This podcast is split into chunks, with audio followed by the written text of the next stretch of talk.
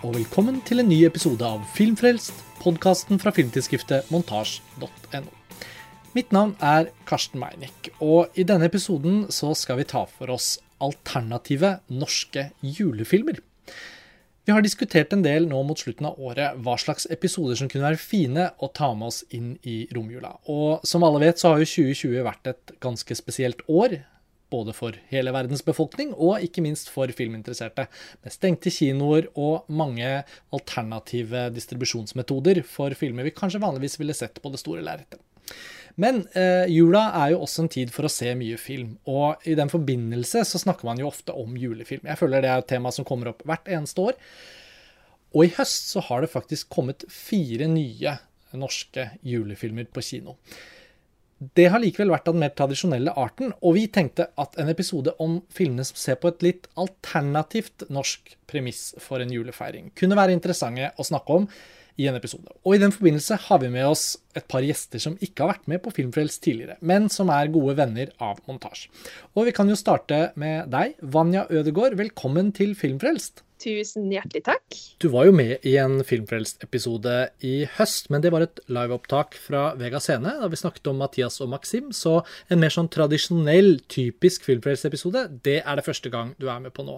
Og vi er veldig glad for å ha deg med i denne episoden. Ja, jeg er også veldig glad for å være med. Jeg har fått uh, oppdatert eh, min norsk film-checklist også via å forberede meg til dette, så dette er veldig, veldig koselig. Forberedelser er jo alltid en kjempefin anledning til å tette noen hull og se filmer man kanskje lenge har ønsket å se. Så vi er veldig glad for å ha deg med her. Og du jobber jo for tiden som forskningsbibliotekar på Nasjonalbiblioteket og er utdannet filmviter. Og utdannet filmviter, det er du også. Eivind Myklebust Nordengen, takk for at du også er med på Filmfrelst. Jo, tusen takk for det.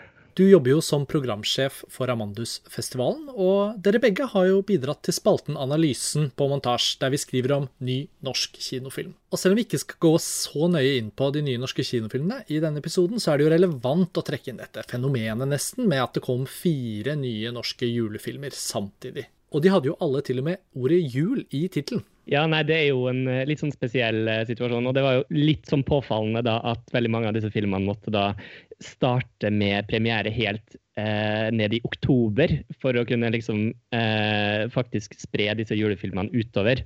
Eh, nå er vi jo selvfølgelig i den, det spesielle året at, at mange, iallfall for oss som bor i, i, Oslo, ikke har anledning til å se disse filmene på kino akkurat nå, da. Men eh, jeg har, har iallfall rukket å sett en av disse filmene, som vi skal komme litt tilbake på, inn på, eh, på kino før alt stengte ned her. Ja, og julefilmen er jo selvfølgelig uansett en sjanger. Altså Én ting er jo de filmene vi elsker å se i løpet av julen, som gir oss julestemning, men den andre siden av den sjangermedaljen er jo på en måte filmene som handler om jul, og hvor julen i seg selv er en tematikk. Og Vanja, hvis du skulle velge mellom disse to typene av julefilm, eh, hva ville du foretrukket, eller hva er din favoritt? Ja, altså Tradisjonelt sett så har jeg vært veldig, som kanskje de fleste, sett de derre de som alltid ruller og går på TV3 eh, opp, opp, til jula, liksom.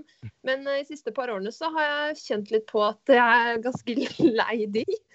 Og at de ikke nødvendigvis tåler tidens tann alltid. Så jeg har begynt det siste å se litt etter litt andre, litt mer utradisjonelle julefilmer. Så dette er egentlig right up my alley eh, på mitt sånn pågående prosjekt om å finne alternative julefilmer. Eh, for da har jeg jo sett mest på ja, kanskje europeiske og amerikanske julefilmer, sånn som Carol er jo en av mine nye yndlingsjulefilmer som jeg ser hvert år. Eller Little Women. Jeg hadde en kompis som så den uh, Winona Ryder. Uh, det var hans faste julefilm.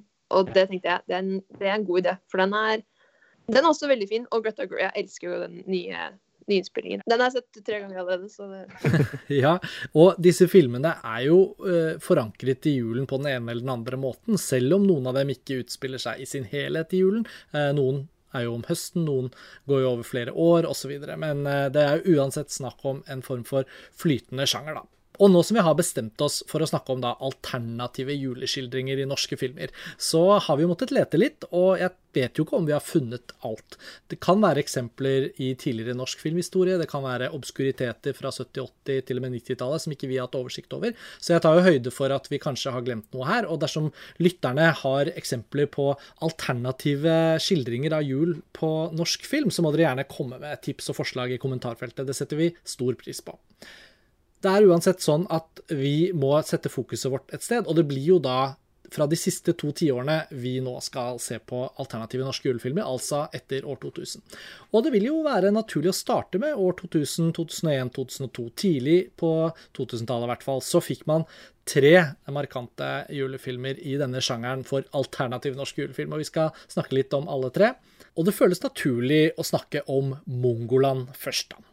I denne perioden skjedde det jo også veldig mye i norsk filmkultur. Det var en blomstringsfase som eh, var et resultat av endrede finansieringsforhold og nye filmskapere som kom til bordet. Og Mongoland er jo også nyrestaurert i 2020. Nasjonalbiblioteket har gjort en ny digital scan, og filmen er også omsider tilgjengelig digitalt. Eh, den har lenge bare vært tilgjengelig på en gammel DVD, som er den jeg har på hylla her, men nå er den da altså klar for eh, nye publikummere. Og den er også blitt vist på de digitale cinematekene rundt omkring i landet nå i desember. Dessverre var jo både Bergen og Oslo stengt i flere uker, og Oslo holder jo fortsatt stengt sine kinosaler frem til nyåret, så ikke alle de visningene av Mongoland som var planlagt, har blitt noe av. Likevel så føles det relevant å kunne trekke den inn i denne episoden, fordi den er jo en veldig typisk alternativ julefilm. Og fordi den nå fins på nettkino, Altibox, SF Anytime og flere av disse leietjenestene, så vil jo publikum der hjemme kunne se Mongoland som en alternativ julefilm i romjula. Og vi har jo sett Mongoland nå, alle tre, og den er ferskt på minnet. Så da tenker jeg, hvor, hvor starter vi? Kanskje Vanja, vil du begynne? Ja, jeg faktisk eh, så den for første gang. Men man, jeg føler jo på en måte at jeg har sett den allerede, fordi man har sett, så mye bil, man har sett bilder, man har, man har pratet om den og sånn. Så eh, eh, ja, nei, jeg syns det var eh, artig å se den. Og så satt man jo mye sånn herre Å, så ung du er der! Ikke sant? Man, litt fordi det er så mange kjente ansikter, både skuespillere, men også eh, ja, Gary Cranner, som er produsenten er med. Så man sitter og litt sånn herre Oi, der er du, og Oi, der, ja. Det, det er artig. Litt sånn morsomt uh, å se en film som er ja, 20 år gammel, med den gjengen der, da, og tenke litt på hvordan den gjengen med talentfulle og eh, entusiastiske og liksom go-getters lagde den filmen her eh, nede i Stavanger. Det, det syns jeg var litt sånn eh, veldig sjarmerende. Og så er jo juleskildringen eh, litt eh, annerledes enn en klassisk familiejul. Her er det jo unge voksne som møtes på barer, de forbereder den store julefesten. Pia Tjeltas rollefigur kommer jo hjem fra en reise, det er usnakkede ting som skal til overflaten. Det er alt dette som gjør at det er på en måte en litt annen type juleskildring, da. Men jeg vet ikke helt hva slags type julefilm du trodde vi skulle se i Mongoland. Ja, Vanja, var det noen forventninger du hadde som ble oppfylt eller ikke oppfylt? Nei, den var, det var egentlig ganske sånn den var sånn jeg trodde den skulle være. Bortsett fra eh, da denne eh, slags sånn Dickens-julenisseskikkelsen eh, som kommer og er litt sånn Timmy Gresshoppe-type. ja, men det er jo den litt sånn angstete Kristoffer Joner som ikke helt eh, klarer å ta valg som er bra for han. Eh, det var litt det jeg trodde skulle skje, egentlig. Så, ja. Eivind, eh, hvordan var det for deg? Eh, jo, nei, eh, så, jeg, så, jeg har sett Mongoland en gang før, og den eh, Men det er veldig lenge siden, så det var, det var, nesten litt som et nytt gjensyn for min del også. Og, og, de, og den der nå, den er jo en veldig Jeg syns jo filmen er veldig fin, altså. Som en eh, som en uh, julefilm, men på, en, på, sin måte. Og som du beskriver det der med den uh, opplevelsen med, med, det å komme hjem til noe og liksom prøve å leite etter noe som man har uh, hjemme, men som man kanskje ikke finner. Sånn som Pia Tjelta, som da det, Dette var hennes første spillefilm i det hele tatt, slik jeg forstår det, på IMDb? Ja, det er meget mulig. Ja, jeg tror det var hennes første. Ja, altså det, det, er jo eh, egentlig litt utrolig med tanke på Men jeg føler jo hun har vært med alltid. Men dette jo, begynner jo å bli en en uh, litt eldre film også. Så og jeg syns hun spiller ganske godt i den. Altså, jeg, er ikke, jeg er ikke alltid Pia Kjeldas nummer én-fan på skuespillprestasjoner. Mm. Selv om jeg syns hun er jævlig god i, no, som i Blindsone, f.eks. Ja. Mm. Men jeg syns hun spilte bedre enn jeg trodde hun skulle gjøre. Ja, hun spiller godt. Jeg syns jo det er mange som spiller spiller godt her. Og, men klart, altså Kristoffer Joners karakter er jo litt sånn Han er jo litt sånn som han alltid er. Og det, Vi kommer tilbake til en annen film etterpå også, der han spiller en, en karakter som har visse likhetstrekk. Men det er jo også egentlig noe med det er ikke bare dette, Du har jo dette paret i midten som på en måte er på en måte den fortellinga som foregår, men du har jo alle disse sidekarakterene og dette eh, som også eh, gjør filmen til den litt sånn flettverkskjærlighetsnarrasjonen som, eh, som, som, egentlig er jo litt typisk for julefilmer. Men og, og på mange måter så er det jo egentlig litt Hvis du kun ser på det den fortellinga faktisk er, så er det en litt klassisk eh, kjærlighetsjulefilm. Du har, og du, du, har noen klisjeer med han som må løpe etter eh, En liten sånn spoiler på slutten, men på slutten så må man liksom uh, kjøre til, eh, til, flyplassen for å hente henne igjen. det er jo en oppbrukt klisjé, men fordi det settes inn i en sånn setting som dette her, som, som, som utfordrer filmuttrykket på veldig mange måter, så, så blir det jo Eh, skaper de noe, nytt ut av det. Da. Og de kommenterer det jo hele tida sjøl underveis, sånn som han taxisjåføren som kommenterer, kommenterer, at ja, det, dette blir romantisk. Dette er akkurat sånn som han øh, ønsker det, at, at, dette skal være. Så dette kan han like, som han sier. Så det, det er en litt sånn øh, morsom øh, vri på en, en klisjé da, i julefilmsjangeren, om man skal kalle det det. Og det som er jo litt gøy å tenke på, er jo at uh, Mongoland ble jo laget før Love Actually, f.eks., men må ha vært veldig inspirert av en film som Notting Hill, da, som ble laget bare noen år før. Og der har vi jo den scenen hvor, hvor de vennene og Hugh Grant liksom haster av gårde for å rekke Ikke en flyplass, men da denne pressekonferansen hvor Julia Roberts rollefigur er. Så det er liksom gøy å tenke på hvilket klima Mongoland ble laget, da, i forhold til popkulturelle mm. referanser og sånn. Mm. Og en ting jeg tenkte på da jeg så den nå, var jo at den, den har en utrolig sånn kommersiell appell uten at den har blitt kjent i ettertid som en kommers indiefilm. Uh, og det trenger jo ikke være uh, en kritikk, selvfølgelig. Det er jo egentlig bare positivt at en så lavbudsjettert og sympatisk liten film kan ha uh, attraktive verdier da, for et større publikum. Den endte jo opp med å selge masse kinobilletter og ble jo, eh, som vi har nevnt allerede, en sånn karriereforløsende prosjekt for nesten alle involverte. da. Ja, Det var vel den som også på en måte starta hele den Stavanger-bølgen i Hva Var det ikke det? Ja, den var eh, mer enn kjent som på en måte Stavanger-bølgens igangsetter. Men jeg har eh, litt i researchen min også sett litt på hva som utspilte seg andre norske filmer akkurat da, for det var jo mange filmer som lyktes med forskjellige ting. Men det er påfallende hva som, hva som, skjer i Mongoland. Også, jeg tenker det er større enn liksom Stavanger-bølgen. fordi egentlig har det jo ikke blitt noe ordentlig Stavanger-bølge. Eh, det har ikke vært så mange andre regissører for eksempel, som har laget film i Stavanger og portrettert Stavanger. Eh, det har liksom blitt Arild Stine Ommundsen og hans miljø. Og så kan man si at i en kort periode der Det kom jo en musikal, Alt for Egil. Paul Jackman er jo også i Mongoland og lager Detektor, som har premiere da i august år 2000 med Mats Austdal skrevet av Erlend Lo. Mm. Men 'Detektor' er jo en veldig Oslo-film, da. Nettopp, og den er jo på en måte bare Det er jo bare han som regissør, da, og Pål Jackman. Selv om han, han, lagde jo den 'Jernanger' med, med Bjørn Sundquist og sånn, men han har jo på en måte ikke da ja, eh, portrettert Stavanger på den samme måten i sin filmografi, da. Så jeg tenker Mongoland står seg også veldig godt. Jeg, jeg, likte bedre enn jeg husket, så ble jeg ganske opptatt av hvordan strukturen fungerer så bra. da, Farge, bildene i flashbackene, alle de forskjellige rollefigurene som vi nesten ikke blir kjent med, klarer likevel å gjøre litt sånn inntrykk i løpet av korte scener, da, sånn som Marko Kanic som står på kjøkkenet der og skal slå folk i hodet med det balltreet og sånn. Altså Det er sånne små figurer som den lille tiden de har i filmen, er veldig minneverdig. Det er liksom mm. veldig litt sånn flesk som ikke trengs. Så Sånn sett så opplevde jeg filmen som overraskende sånn stram og konsis. Og det er jo ikke det sånne lavbudsjetts indiefilmer ofte er kjent for. Og jeg syns også juleskildringen er veldig veldig sympatisk fordi Særlig da den kom da i årene etter da Mongoland liksom var veldig populær og liksom mange av de skuespillerne begynte å spille i masse andre filmer. Gå videre i 2002, 2003, 2004. Da jeg var liksom tidlig i 20-årene og opplevde veldig at den filmen den, den, skildret også sånn, et sånt stadium da, som eh, jeg tror mange er i i en viss periode. Og så Jeg har gått litt sånn full sirkel, for nå er jeg små barn, og da blir liksom den tradisjonelle familiejulefeiringen mer sånn uh, Den returnerer, da. Mens den Mongoland-tidsepoken, den tror jeg også dagens noen av 20-åringer kan kjenne seg veldig godt igjen i.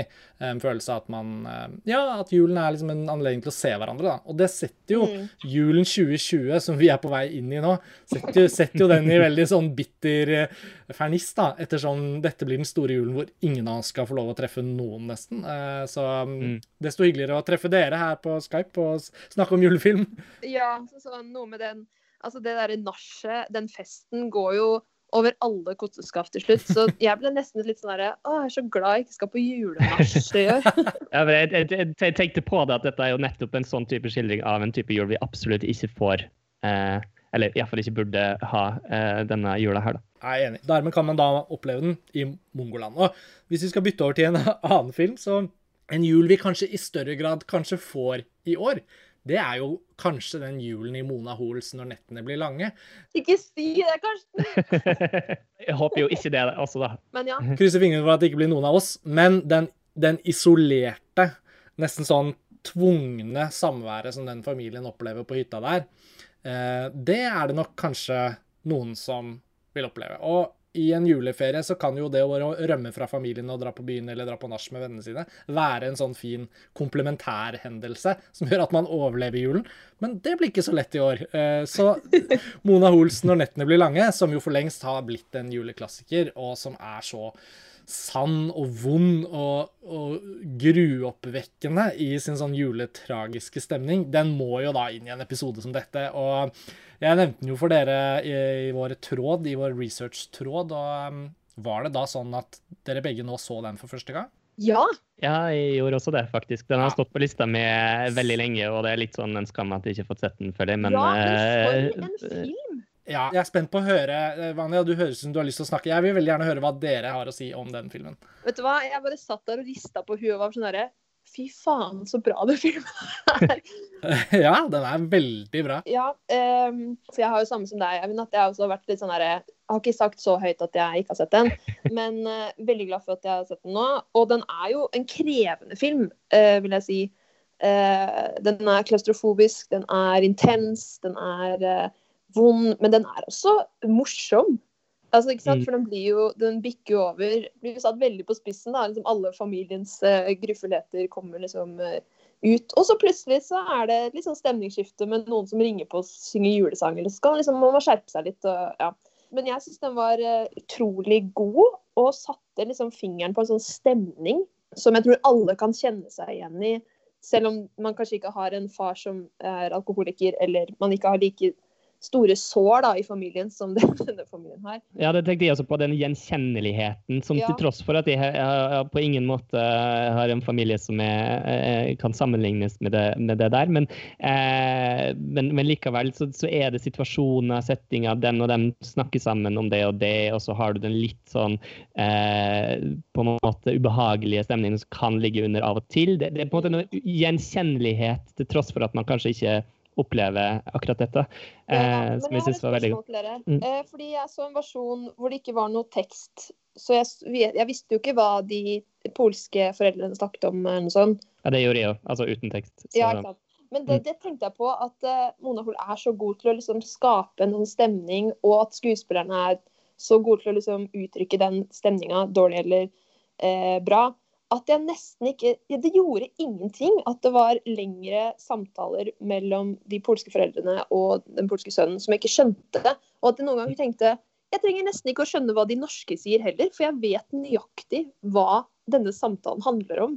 Bare ut ifra tonen i samtalene. Ja. Det er veldig interessant at dere sier òg, fordi jeg føler jo Det er jo da I plottet er det jo et av barna som har med seg sin polske mann og svigerfamilien, er det ikke sånn? Også, øh, For nå Jeg kjenner denne filmen godt fra gammelt av, jeg har ikke sett den denne måneden, på en måte, så jeg har den ikke så ferskt i minne i forhold til sånn plottfaktaer og sånn, men det er vel mange voksne barn og deres uh, eldrende foreldre uh, på hytta der. Eh, Kari Simonsen, Svein Scharfenberg. Og så er det den polske svigerfamilien.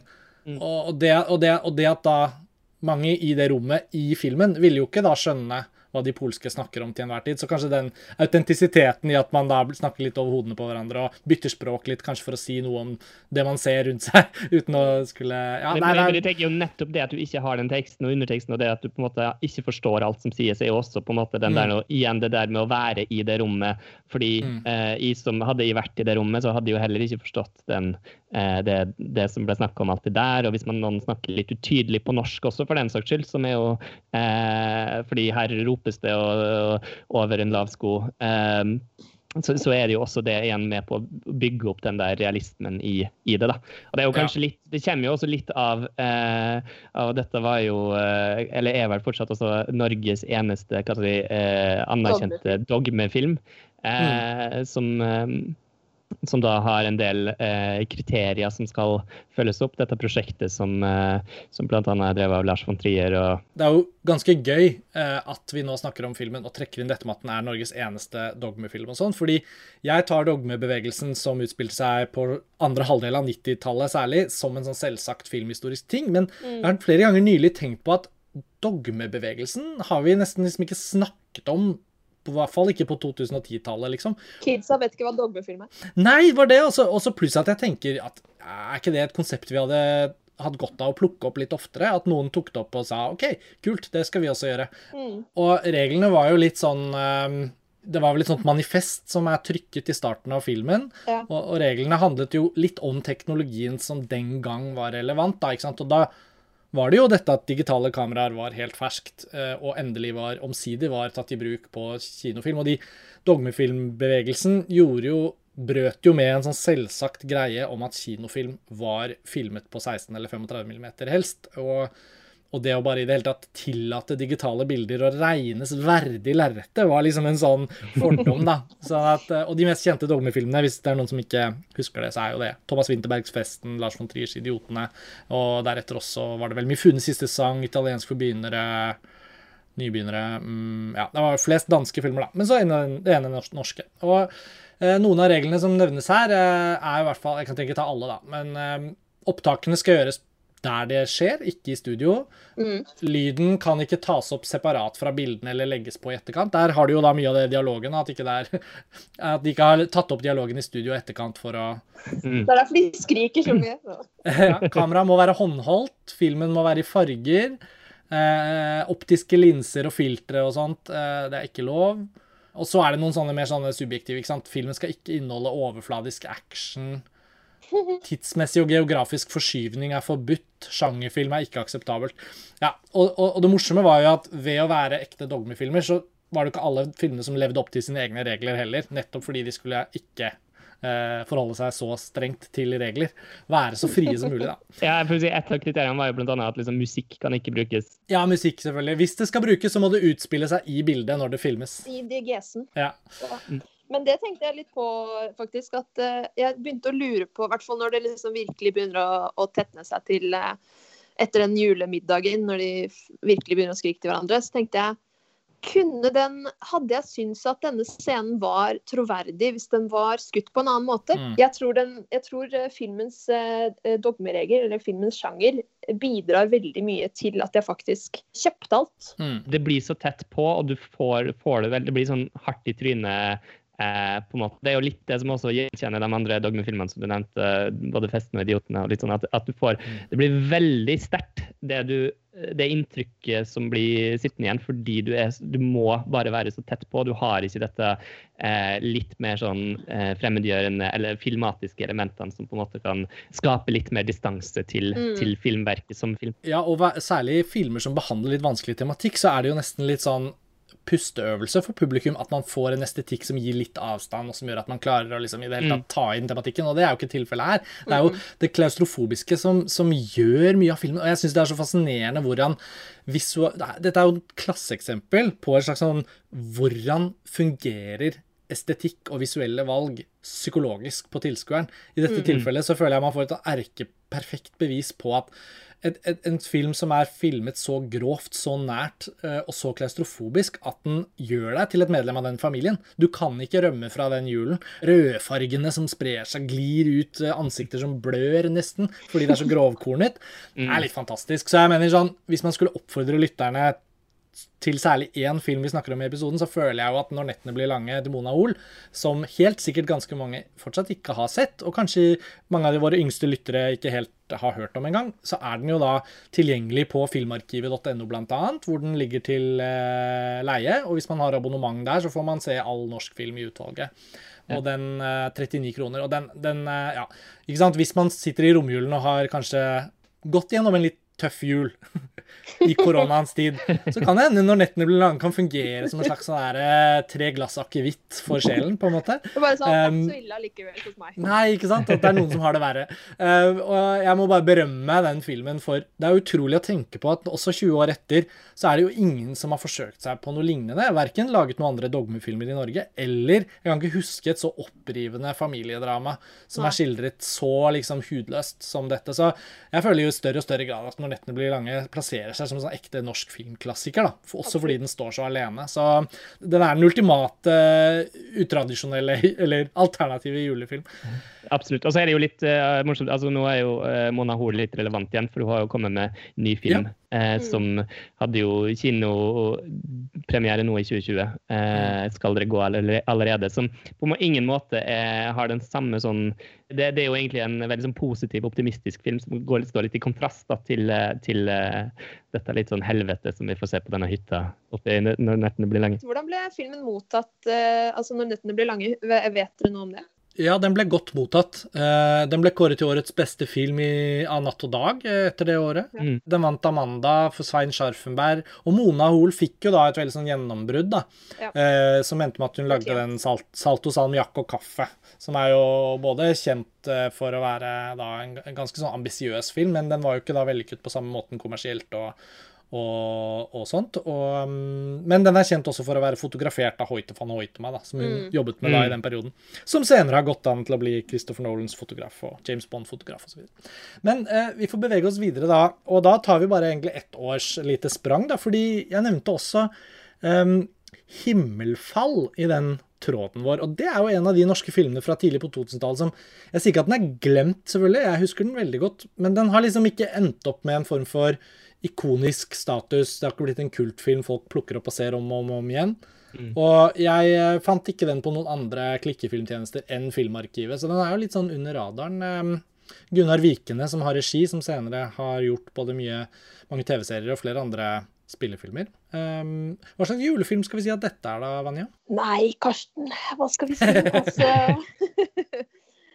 eh, Nei, den, eh, den er jo en slags Altså, jeg, jeg tenkte at den, den kjentes lite grann som en slags eh, dempa Hawaii-Oslo-type film. Ja. Og den var, den hadde, den var liksom sjarmerende. Det er Kristoffer Joner og Maria Bondevie som er på et eh, eh, psykiatrisk eh, institusjon og prøver å liksom bare finne ut av livet. Mm. Nei, jeg, jeg vet ikke helt. Det, den eh, It puzzled me. Og jeg vet ikke helt hva jeg syns om den. Nei, det er fair. Den er jo en litt sånn underlig film. Jeg husker den som veldig underlig. Jeg husker den som et slags gjennombrudd for Maria Bonnevie. Liksom. Hun hadde jo hun hadde jo for så vidt spilt i Jeg er Dina, tror jeg, omtrent samtidig. Og det var noe sånn, det var veldig mye Maria Bonnevie, husker jeg, i den perioden der. Ja. Mm. Og hun uh, hadde jo spilt i uh, svenske og danske filmer og sånn, så kom hun og var med i Himmelfall. Og den setter jo litt uh, tonen for den type roller hun spiller. Altså litt sånn derre vel- utrolig vakker, men litt sånn skadet fugl. Ja, veldig. Det er en veldig sånn ur Maria Bonnevie. Mm. Ja. Og hun gir han vel en på trynet på et tidspunkt der Og flere ganger. Ja, nettopp. Det er noe av det jeg husker best fra filmen. eh, At hun slår folk i trynet. Ja. Um, Og jeg syns Kristoffer Jone spiller Han er av den absolutt aller beste skuespillerprestasjonen der. Og, Mm. og jeg fikk en litt sånn derre Thomas Brody Sangster-vib av han, egentlig. ja, morsomt. Ja, lille, den lille kiden i Love Actually, men som nå er voksen. da. Ja, og kanskje aller mest nylig fra uh, Queen's The Queen's Gambit. nettopp. Mm. Men, eh, men 'Himmelfall' er jo også en film som ikke bare handler om jul, tenker jeg det er viktig å si. da. At uh, Selv om den utspiller seg veldig sånn tydelig i julen, og sånn, så, så er det jo noe med det at uh, jeg syns den er relevant å huske på, bare fordi at julen kan jo ofte brukes som et sånt bakteppe for det, den, det fortellinger kanskje egentlig handler om. da. Dette, er, det, dette er jo en film som strengt tatt kunne også vært plassert i et annet tids, eh, Ja. tidsrom enn jula. og hatt, Selvfølgelig, jula bringer noe til filmen, men, men eh, sårhet, kanskje. Sårhet, og liksom det handler om den der tydeliggjøringa av en viss form for ensomhet som mange av dem opplever, Mm. og, og sånn som, som ofte liksom blir forsterka i en julesetting, da. At du ikke er ønsket nødvendigvis. Ja, det at du har jo den, eh. Karakteren til eh, ja, som Marie Bondevik eh, Juni, var det ikke det, vet du? Eh, som liksom nå ønsker å reise hjem til foreldrene sine, som, men som eh, de skal reise til Kanariøyene på jula, så hun må fortsatt være igjen på det eh, psykiatriske avdelinga, eh, f.eks. Og, Og forhåpentligvis ikke ta livet sitt. og forhåpentligvis ikke. Og også litt den der med han eh, Kim Bodnia-karakteren, som er vel en slags eh, le og lege på dette Mm. Sykehuset, som, Mm. som på en måte også må være der for å bare passe på, og, og, og, kona hans, eller ekskona eller noe sånt, som også prøver å finne et eller annet i, eh, når siden han alltid er der. Og så. Ja, det, du har denne juletematikken som, som på en måte bringer fram en del sånne type eh, tema. Da. Men, men det filmen handler om i seg sjøl, er jo på en måte ikke knytta direkte til jul. Det var vel det som var Men jula er jo, som du sier, en veldig fin sånn Ikke lakmustest, men en slags sånn eh, forsterker da, av eh, sånn Dette er jo en høytid hvor man, man skal være med de man er mest glad i, og man skal hygge seg, og man skal gjøre ting sammen, ikke sant. Så det blir jo liksom ekstra sårt da når man liksom faktisk må kjenne på at Nei, de vil faktisk ikke ha meg med til Kanariøyene. Eller Oi, moren min Mm. er faktisk eh, så dårlig at hun ikke skjønner hva jula er, eller ja. Så, så Mm. det er jo liksom Sånn sett er jo jula en, et godt virkemiddel til å sette ting på spissen, da. Ja, og jeg syns jo de anvender det på en bra måte i denne filmen. Så kan man si at jeg har ganske god kjennskap til den filmen fra gammelt av, så den ikke om igjen nå, men jeg, men jeg har jo vært litt nysgjerrig på om den liksom tåler tidens tann. Det er en sånn film jeg kanskje føler ikke helt gjør det, fordi jeg husker den også som en litt sånn typisk sånn litt for mye fiksjon, kanskje, type film. Men Ja, det, det, er litt, det er litt, litt sånn det jeg tenkte, tenkt litt på det. Altså, den, den har litt det der som, som jeg vil si kanskje en del norske filmer hadde på den tida. Eh, en litt Mm. sånn larger than life-aktig preg, der man har på en måte greid å komme seg vekk fra det helt sånn rent teatralske i filmspråket med, med teaterskuespillere som, som, eh, som utøver noe, men, men heller ikke på en måte funnet den litt mer sånn realismen som, som, eh, som kanskje en del filmer, eh, eller norsk film, fant litt mer seinere på, Ja. eh, på 2000-tallet. Leker jo litt med en magisk realisme også. Jo da, og du, du har denne tematikken. Det, det er også en film som på mange måter føles litt som en adap- adaptasjon av en novelle eller en bok, til tross for at det, den ikke er det. For, og det har jo litt med måten den bruker repetisjon av eh, og gjentagelser av, av, eh, elementer i fortellinga. Du har eh, denne åpningsreplikken som Kristoffer Joner uttrykker om, om disse himmellegemene eller uh, komet Mm. asteroidene som er på vei ned mot og kanskje skal krasje i jorda, og så gjentar han det ved flere anledninger. og um, Mm. skaper en sånn litt sånn sirkulær eh, følelse i dette her. Ja. Ja, Eh, jeg syns det er veldig gode poenger, fordi det er akkurat de tingene der jeg husker som en sånn litt sånn Hm, hvordan kan det der fungere eh, nå? Eh, og det er jo veldig relevant, som du sier, Eivind, at norsk film tidlig på 2000-tallet gikk gjennom en sånn form for brytningstid hvor man skulle liksom riste av seg noen av, noe av den teatrale arven som ga norsk film et så dårlig rykte, men samtidig forsøke å omfavne en form for sånn uh, Man skal liksom vise verden litt at man kan lage film, og da i noen tilfeller så ledet det til kanskje i overkant ivrig symbolbruk og litt sånn Ja. litt for perfekt sirkulære manus som liksom tenker ut alt. Jeg syns jo 'Detektor' også er litt preget av det. Det er en film jeg også så igjen nå i sommer i forbindelse med 20-årsjubileet og tenkte litt på at det er mye fikse ideer, og det er gøy at Harald Eia er med og sånn, men det er også Mm. veldig sånn Det som er begravd under jorden, kommer opp. Altså Ja, Det var sånn, fordi den tenkte ja. jeg, og, men jeg har da. ikke sett på lenge, så kanskje Nei, og den er så vanskelig å få tak i at nå har jeg DVD-en, da, men jeg innså at den en eller annen person som rippa den og la den ut på YouTube for fem-seks år siden, har vært den eneste kilden folk har til detektor. Der ligger den i Oi, helt fin kvalitet. Ja, ja, det, jeg har ikke fått sett den, faktisk. Nei, men, men, men det var litt sånn Du har helt rett i hvert fall, Eivind, at det er liksom veldig tydelig i den første halvdelen av 2000-tallet. At det er liksom ikke Og det, er- er derfor kanskje også Mongoland skiller seg så veldig ut, da. Ja, både Mongoland og, og Når nettene blir lange, for den saks skyld. Ja. Ja, og at Kristoffer Joner har blitt omfavnet og spilte så mange roller, var jo også et tydelig eksempel på at så mange filmskapere hungret etter den formen for autentisk væremåte og dialog og spill som hele den gjengen i Mongoland representerte i den filmen. Da.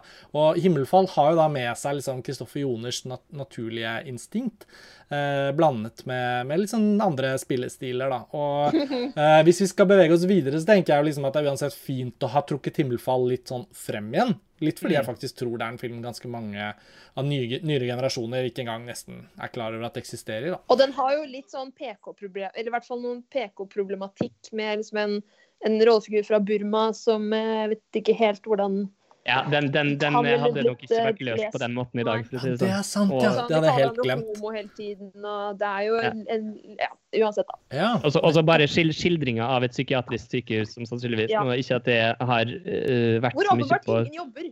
Det, det, er noe med, med, med, det som er liksom det, det, er ikke, det, er nok ikke helt sånn det, fungerer på i, på, i virkeligheten. Nei, nei. Nei. Interessant. Altså, jeg, jeg tenker at uh, enhver anledning til å liksom bare se litt på noe som er litt sånn glemt, er jo litt morsomt, da. Og, mm, og Mong Mongoland er jo ikke akkurat uh, glemt, og jeg syns når nettene blir lange, ofte er oppe i samtale og blir trukket fram, fordi den, den har faktisk fått den statusen litt, da, som en litt sånn sjeldent uh, sterk og, og original norsk julefilm. Mm. Men jeg vet ikke hvor vi skulle gått nå, men kanskje vi skulle sett, snakket bitte litt om den kinoaktuelle filmen til Henrik Martin Dalsbakken. Da, fordi den er i hvert fall litt relevant å tenke på i forhold til f.eks. For når nettene blir lange, da. Rent plottmessig, tenker jeg nå, da. Mm. At uh, Det er 'Gledelig jul' uh, heter jo denne filmen til Henrik Martin Dalsbakken, som nå har gått litt på kino. Ikke i hovedstaden, dessverre. Det var jo en veldig sånn lei uh, erfaring. Ja. Den har vært gått, gått på sånn drive-in-kinoer her. De har reklamert mye for det. Ja. Men da må du jo også ha tilgang til bil. Så det er jo Jeg får, jeg får også legge inn en bitte liten disclaimer, da, bare sånn for at alt er sånn sykt ryddig som det går an å være. Men uh, 'Gledelig jul' er produsert av Nordisk Film Production, uh, hvor Jon Einar Hagen jobber som produsent, og han var med å starte montasje og er med og driver montasje, men han vet vel ikke engang at vi nevner den på denne podkasten, så jeg tror ikke det er noe å si. Men uh, bare så det er sagt og ryddig. Um, men jeg bare tenkte det er fint å nevne den, fordi jeg spurte jo deg, Eivind, syns du den teller som en slags alternativ julefilm? Og jeg opplever vel liksom litt at den gjør det, men ikke at den gjør det heller. Sammenligna med liksom noen av de, disse filmene som vi har snakka om nå, så, så, er den jo egentlig ganske sånn tradisjonell. Men, men den har jo noen elementer da, som jeg syns likevel er den Litt på samme måte som du dro parallellen til den når nettene blir lange, men vil jo også dra litt parallellen til Mongoland i forhold til det at den er veldig bevisst hva skal jeg si, sjangeren julefilm. Eh, den, er, den, er, så ekstremt bevisst på det at den bruker musikken til Tre nøtter til Askepott i åpninga. Ja. Liksom. Jeg tror det var mer annen julemusikk fra, kjent fra filmer, sånn som også dukka opp underveis. Nå er det ja, litt over en måned jeg har sett filmen. Så, ja. De snakker om 'Grevinnen og hovmesteren' og viser den. og det er på en måte en sånn kommentering av virkelig en sånn kommentering av den norske jula. Og også for så vidt da, prøve å ta det opp i en litt sånn norske jul anno 2020. Og så er det kanskje den litt i overkant, altså mangfoldig og.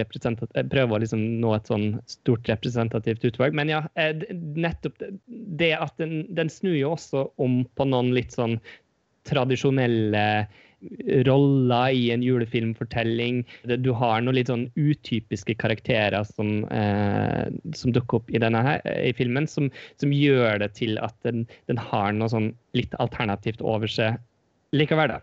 Ja, jeg er ikke helt uenig, eh, men jeg syns vel likevel at hvis den aspirerer til å ha et slags sånn satirisk eller kommenterende blikk på juletradisjoner og julefilm og sånn, så syns jeg den tidvis skjuler det veldig godt. Og, og, og, på den andre siden så kommer det veldig tydelig til syne i noen scener. Og det var jo for meg også filmens eh, beste sekvenser. da. Særlig denne drepende middagsbordssamtalen om ja. svensker og svensk kultur og svensk væremåte. Det var utrolig morsomt. Hvor, eh, hvor godeste i Benakeli. Litt som om hun har på en måte gjemt et sånt samuraisverd under eh, Retorisk samuraisverd under genseren i hele karrieren, egentlig. Hvor hun plutselig leverer en sånn drepende monolog om svensker. Og det kan jo det hende vi ja, altså Vi kan jo le av det fordi det er litt sånn overdrevet, men det kan jo også hende det er sånn ekte Hvis du tenker på hvordan Northug i sin tid klarte å få hele Sverige til å bli helt rød i ansiktet av uh, uh, sinne, så kunne denne filmen, hvis den var synlig for svensker, så tror jeg den kunne provosert ganske, Ja, ganske ja. heftig. Det spørs om det svenskene i det hele tatt vet at den scenen fins, da. Men, Ikke bare den scenen. altså Han svenske rollefiguren får jo gjennomgå. ja, men han får også min sympati. Ja, det gjør Definitivt. han. Og det, og, det, og det er jo nettopp det at den der noe det, det blir jo en litt sånn, De blir jo framstilt som ganske fæle folk, disse norske, eh, i, det, i den sammenheng. Da. Så det, det er jo definitivt Sympatien ligger jo med svensken. Eh, Ja da. Jeg tenker likevel at eh, ja, Hvis vi skulle si noe kort om dens liksom, plass som julefilm, så syns jeg da at 'Gledelig jul' i all hovedsak føles ganske sånn tradisjonell og liksom den typen julefilm jeg kanskje så for meg at vi ikke skulle snakke om, er vel de som er sånn betryggende og bekreftende julefilmer som egentlig prøver bare å bygge opp under en form for tradisjon og en stemning som vi allerede er klar over, hvis man kan si det sånn, da. Ja. Og det, og det kan jo si, sies at, at eh, Gledelig jul har jo eh, definitivt en sånn julekos-feeling i bunnen her. Og jeg, jeg må jo innrømme, da jeg så den, så jeg fikk jo julestemning. Eh, Ja, jeg òg, virkelig. Av det. Så, så, så, sånn sett så, så, Ja. så, så er den, bekrefter den jo definitivt den, den ideen om, om hva er julestemning, på en måte. Ja. Samtidig som den, den da likevel liksom snur opp ned på noen av de liksom rent typiske klisjeene som vi kanskje ofte Eller konvensjonene, da, som vi ser, ser i en del film. Mm. Men sånn sett, fordi den er jo eh, ehm, Den er, handler jo om en ganske sånn moderne familie, kan man jo si. Eh, det er eh, noen ting som skjer som, eh, som er overraskende for noen, og som eh, bryter opp litt i familiestrukturen. Men jeg, jeg likte det veldig godt, fordi det minner meg, minner meg veldig om min egen familie.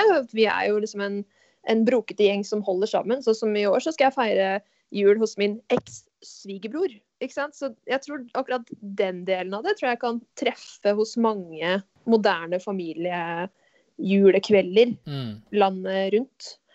Og så toucher den liksom på mye sånn som eh, Altså, 2020 er mange ting. Et godt år for mental helse har den ikke vært. Eh, og det toucher den filmen veldig på også. Sånn ensomhet i jula, eh, angstanfall, eh, narsissisme i, i forhold. Ja, nei, jeg synes den toucher, den toucher på noen veldig sånn fine ting som man, kan, som man ikke ser så mye i tradisjonelle julefilmer. Mm. Eh, som jeg satte pris på her. Mm. Ja, det er egentlig veldig gode poenger. Jeg, jeg er for så vidt veldig glad vi trakk den inn også, fordi vi, det går et lite hopp der fra tidlig 2000-tall frem til nå, slutten av 2010, begynnelsen av 2020-tallet. da, Og jeg vet jo at vi også snakket om å snakke om eh, Erik Svenssons Harajukus, som jo jeg har klippet, og som det er litt vanskelig for meg å snakke om på podkasten. Men um, uavhengig av kvalitetsvurdering, så er jo det en film som utspiller seg på lille julaften og som trekker julen inn i en veldig sånn tragisk ramme, da. Og vi tenker, ikke snakke så inngående om den, Vanja, men jeg bare tenkte på det når du snakket om mental helse, da. Mm. At uh, det er jo også en film som ble lagd når den ble lagd, og ingen visste at 2020 skulle bli som det skulle bli. Uh, og kanskje er biter av den filmen ganske tøft, og kanskje ikke så egnet i et så mørkt år som 2020, men uh, det er iallfall en film som tar en veldig tung og litt sånn innelåst virkelighet og prøver å liksom befri en rollefigur, da, og få liksom en rollefigur bort og vekk. Og, og at reisen er vel så sånn metafysisk som den er konkret. da, Og nå i et Ja. år vi, hvor vi heller ikke kan reise, da. Det er ikke bare det at vi skal feire jul i liksom små grupper, men at hele året har også vært veldig preget av at vi plutselig ikke kan bevege oss og få nye impulser og reise til nye steder og sånn. Det har jo vært en sånn, ja, realitetsorientering på det. Og alt det er litt sånn pakket inn i hva som skjer i Harajuku, da. Ja, og det er også en sånn her, i hvert fall for oss, eh, eller for meg, eh, som bor i Oslo, som ikke har sett snurten av et snøflak på flere uker, så er jo også Harajuku Jeg tror det er ganske slapsete i Harajuku òg. At, Ja, liksom, veldig. at, eh, at Oslo ble vist på en veldig sånn grå eh, Ja, det er julelys og det er stemning, men det er grått og det er kjett og det er eh, Ja. Ja, fargene kommer mer av, eh, av neonlys eh, i uh, Lysdekorasjonene på Oslo S. altså Oslos i Tokyo, på en måte. Altså det, Ja. De eskapismescenene, liksom. Den, Den er jo, Ja. den er jo far, fargerik på sånn sett, I, kanskje ikke, men kanskje ikke liksom i selve den tradisjonelle norske vinterjulbildet. Det er det jo ikke. Men det er i hvert fall en film som eh, på en måte da forankrer seg til julen ved å utspille seg på lille julaften. da, Og Sølvguttene står og synger, og, og det er de elementene der. Så den, da er den i hvert fall nevnt. Det, det er også en film som blir på samme måte som den vi snakket om i stad. Altså, ikke egentlig i seg sjøl hadde trengt å foregå i jula, men som eh, nettopp pga. at den gjør det, styrker opp under filmens tematikk. da. Ja. Altså, og så er det jo litt sånn opp til oss å kanskje vi skal si, oppsummere, da. Men liksom, hva er da de løse trådene vi da sitter igjen med? ikke sant? Vi har jo helt andre type ting og titler. Mm. Ja, nei, altså, jeg, jeg, så, jeg, så, jo også eh, den der eh, Bare for å ta noe helt annet, da. Mm. Reiner Kiel sin uh, Juleblod. Ja. Veldig bra. Det var faktisk den jeg hadde tenkt til å begynne å nevne, så det passer bra. For vi har jo en julehorror ja. i norsk filmkultur. Ja. Men det blir for grusomt for meg, så den har ikke jeg sett. Nei, jeg har faktisk ikke sett den, jeg heller. Eivind, fortell. Eh, jeg hadde den faktisk liggende på en Blu-ray, så da, da, da, du nevnte den her i, for et par dager siden, så satt jeg den også i, i spilleren. Og det, for, for all del, dette er jo heller ikke Jeg må nok si at dette ikke, ikke, ikke min, eh, min film, men det er jo eh, det er jo noe litt sånn interessant da med filmer som tar Hvis man kan liksom kalle julefilm for en egen sjanger, som på en måte da skal jo snakke, prøve å bruke den, den uh, høytiden til, til å du, du, har liksom gjenkjennelige elementer med, med, det som er trygt og koselig og alt sånt, så er det jo da interessant med liksom filmer som virkelig skal prøve å liksom mose noe helt annet inn i det. For dette er jo da en liksom, egentlig liksom merkelig blanding av en ren sånn slasherfilm og en litt sånn klassisk politietterforskerfilm. For å si det sånn, den er ganske Den er både uh, veldig rotete fortalt og uh, egentlig ikke spesielt uh, skummel. Og jeg må nok si at dette var Dette er ikke filmen å anbefale for, fra min del. Sorry, Reinert Kiel. Nei, altså, men Reinert Kiel er jo en litt sånn spennende filmskaper i liksom, undergrunnsfilmmiljøet i Norge. Ja. Eh, hvis man kan kalle det det, i en litt sånn kultfilm eh, eh, segment, da, og som også har jo sitt veldig tydelige publikum eh, der. Så på en måte at de kan sitte og si at de ikke liker den filmen så godt, er jo på en måte ikke så, så viktig sånn sett. Um, og så er den jo en film som, eh, til tross for liksom den litt sånn eh, virkelige premisset Det handler om en, en, om en eh, morder som går rundt i julenissekostyme og dreper eh, folk, eh, rett og slett. Altså, så, så, enkelt er det. Og så er det da en eh, gruppe med, med, jenter som er på, oppe på et hus langt oppe i Finnmark. Eh, og så skal de eh, Ja, og så blir de selvfølgelig jakta ned én eh, etter én eh, etter hvert. Og så har du disse politietterforskerne i Oslo som må reise opp dit og, og nå dem. Eh, er det en slags sånn politisk julekalender? Blir du blir liksom Nei, ikke, så, ikke, ikke, strukturert helt etter julekalender. Det hadde jo for så vidt vært en litt mer, sånn, egentlig litt mer spennende idé. for jeg syns jo også den er Til tross for at den er ganske på en måte, Den ser teknisk vellaga ut, og den er på en måte en, en eh, altså den har en relativt høy produksjonsverdi sånn sett. Mm. Så er den jo også jeg hadde jo på en måte ønska de kunne gått liksom enda mer, noen flere runder med, med manuset og faktisk gjort, strukturert det ut som en bedre og mer spennende film. da. Eh, fordi det, det finnes jo gode eksempler på filmer som, i, innen de sjangrene som også lykkes bedre. da. Eh, så eh, det, det virker, framstår litt sånn som at de her bare har gått for første utkast av manuset. Og, eh, og, er det, og det, det at filmen også framstår har liksom relativt høy produksjonsverdi, gjør jo også at den, du får ikke helt den der so bad it's good-følelsen som mange filmer i, den, i, det segmentet kanskje gjerne har. da. Nei, den er for god i noen ledd til at den liksom kan være helt kalkun. Liksom. Ikke sant. Og, ja. og, det er jo liksom det, og det er jo litt for, sikkert fordi at Reiner Kill har jo mye erfaring. Han, er jo en, eh, han har jo mm. laga mye. Ja, og det, vi har analyser på montasje av uh, den krigsfilmen han lagde, 'Huset', og 'Juleblod'. Mm. I hvert fall de to. da Han har laget andre filmer også som ikke hadde tradisjonelle kinolanseringer. Men uh, juleblodanalysen til Endre Eidsvoll Larsen har jeg jo både korrekturlest og uh, desket og husker jeg jobbet mye med. Så jeg føler jo nesten at jeg har sett filmen, for den går veldig ja. detaljert til verks. Og der husker jeg jo at han fant en han fant en vei til å snakke om den filmen på som både var eh, hva skal vi si, Den var jo både kritisk og positiv, i den forstand at den ikke gjorde en sånn kvalitetsvurdering, men heller så på hva som var Reiner Kiels prosjekt. da.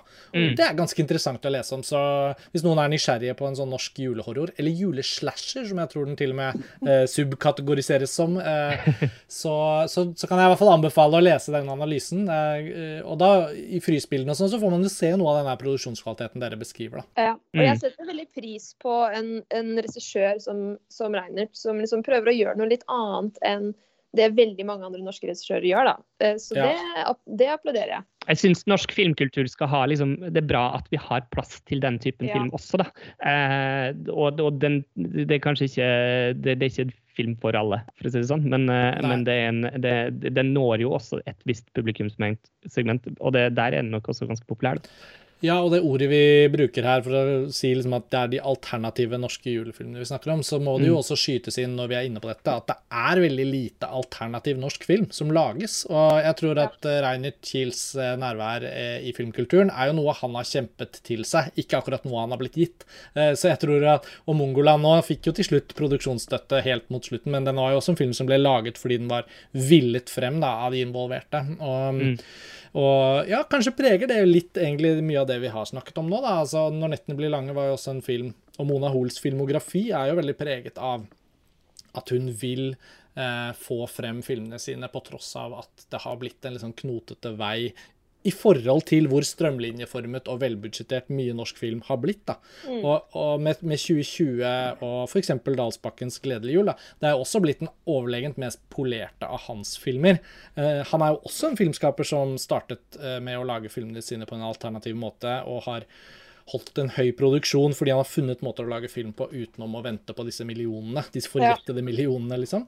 Og Mm. broren hans er en jævlig god fotograf. Det hjelper jo også. Ja, ja, det òg. De har jo sett bra ut, alle filmene. Men jeg syns jo ikke det var et stort løft for hans filmografi at det ble mer glatt, hvis du skjønner hva jeg mener. Nei, Jeg- jeg tror kanskje- det, ja, sorry, ja. Hvis man skulle be noen gå til dogmereglene da, og prøve å lage en dogmefilm med DV-kameraer nå, så hadde jo kanskje Henrik Martin Dalsbakken vært en god kandidat. da, fordi han er godt, ja, men fordi han er godt trent til å få mye ut av de ressursene han har tilgjengelig. Og, og jeg tror jo en sånn utrolig fin liste over utfordringer da, som dogmereglene satte opp for Mona Hoel da hun lagde Når nettene blir lange, de kunne vært ganske morsomme å se applisert på andre typer filmskapere. da, eh, Av de unge, noenlunde unge norske filmskaperne som vi snakker om når vi snakker om unge filmskapere i 2020. da.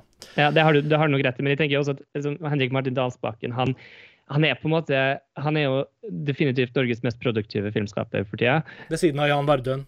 Ja, ved siden av, men han har jo laga seks spillefilmer så på fem år.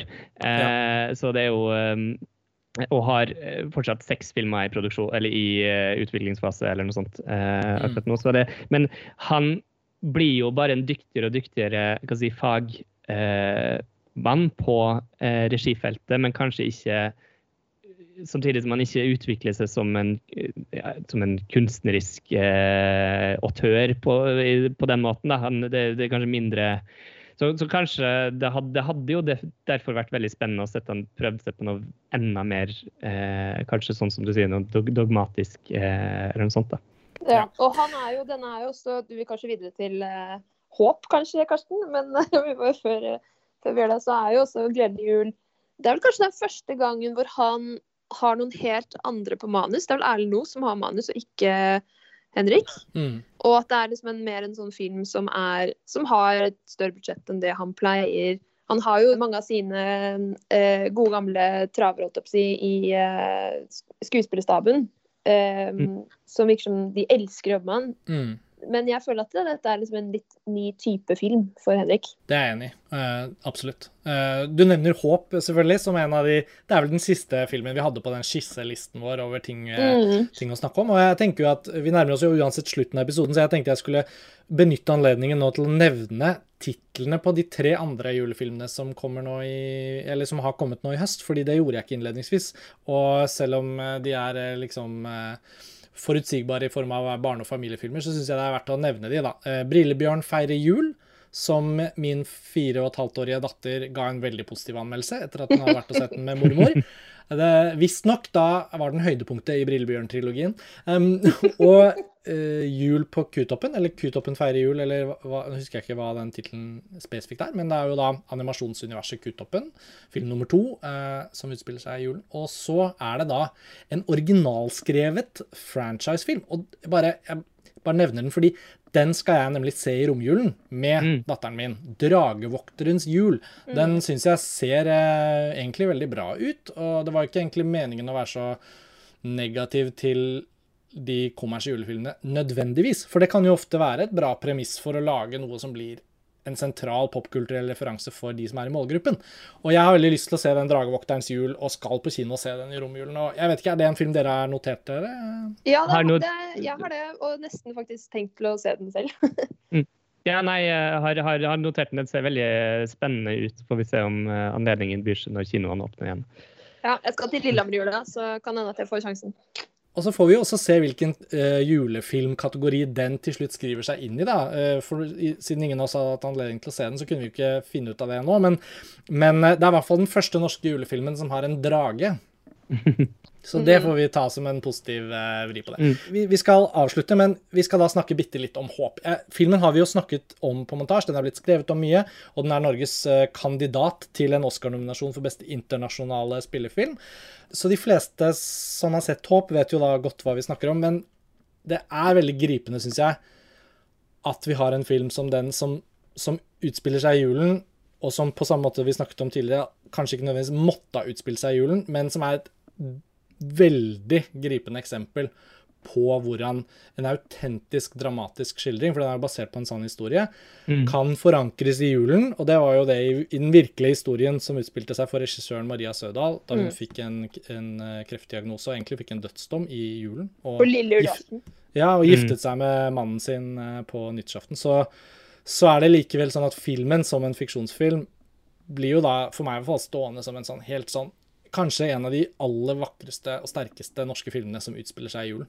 Ja, Det kan jeg si meg enig i. Ja, helt enig. Den, eh, jeg fikk jo ikke sett den i jula i fjor, jeg så den godt ut på, på nyåret, men, eh, den, Mm. eh, men likevel, altså den, den er jo er virkelig en av de beste norske filmene som har kommet de siste årene. i hvert fall. Jeg opplever også at den, dens måte å skildre samhold i møte med sykdom da, og, og en, en sånn forestilt tragedie, og hvordan det enten bryter opp en familie eller binder dem sammen, det tenker jeg også føles veldig relevant for det året vi plutselig nå har. da. Mm. Og så er det noe med det derre at Jeg bare tenker på det nå sånn Det å få dårlige nyheter på en dag som er en slags høytid, eller sånn Det at Mm. kjæresten din slo opp med deg på 17. mai, eller at du eh, brakk beinet på bursdagen din Det blir Mm. liksom Hvorfor i dag? Hvorfor nå? Nå Mm. Ja. Og filmen er jo veldig god på å sette i gang tanker om hva det vil si å være menneske, ikke bare for rollefigurene, men også for oss. da, og Det syns jeg er så sterkt å oppleve på film, fordi jeg tror vi alle skjønner hvor vanskelig det er når man ser mye film og klarer å si 'den var bra, den var dårlig', og vi, alle vi tre har gjort det mer enn nok ganger liksom, i Mm. løpet av våre voksne liv. Og så sitter man likevel og ser en film nesten som om det ikke virker så vanskelig. Få til så vanskelige følelser uh, når man skal iscenesette dem. ikke sant? Det skal Mm. skrives et manus. En skuespiller skal sette seg inn i det. Fotografer og folk skal stå på jobb. Klippere skal finne de riktige punktene.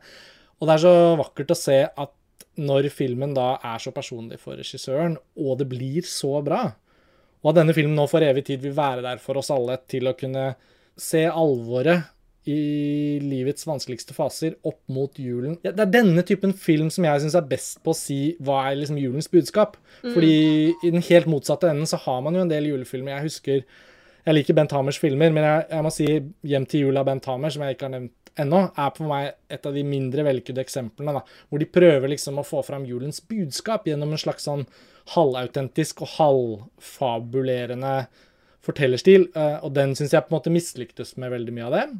Og det er kanskje dårlig gjort å sette håp mot, opp mot den, men det er, likevel, det er likevel veldig flott å se da, at Maria Sødals film føles for meg i hvert fall som et sånt nydelig eksempel på en film som kan fortelle oss om julen ved å egentlig ikke gjøre det. Eh, Og det tror jeg er den beste måten. Var nydelig Mm. sagt, Karsten. Det er veldig Skal vi avslutte der, da? Fikk jeg de bevingede ord på slutten. Eh, Eivind og Anja, jeg er utrolig glad for at dere hadde mulighet til å være med i denne episoden nå i førjulstria. Jeg får si ønske dere en riktig, riktig god jul, eh, dere to og dere som hører på. Så går vi inn i jul og romjul med egentlig en god del aktivitet på montasje her på podkasten. Vi har en del sånne forskjellige episoder planlagt og en del eh, langlesning som blir publisert. Så for de av dere som tenker at julen kan bli litt sånn stillesittende og kjedelig, så må dere ikke nøle med å gå inn på Filmfrelst-arkivet og ta de lengste episodene vi har, eh, som dere kanskje ikke har hørt, og se om dere finner en anledning for å høre dem, eller bare gå inn på montasje og lese noen av de essayene vi nå byr på i de ukene som kommer. Vanja og Eivind, tusen takk. Jeg håper dere kommer tilbake på Filmfrelst igjen snarlig. Absolutt. Det gjør vi. God jul. God jul! Ha det bra! Ha det.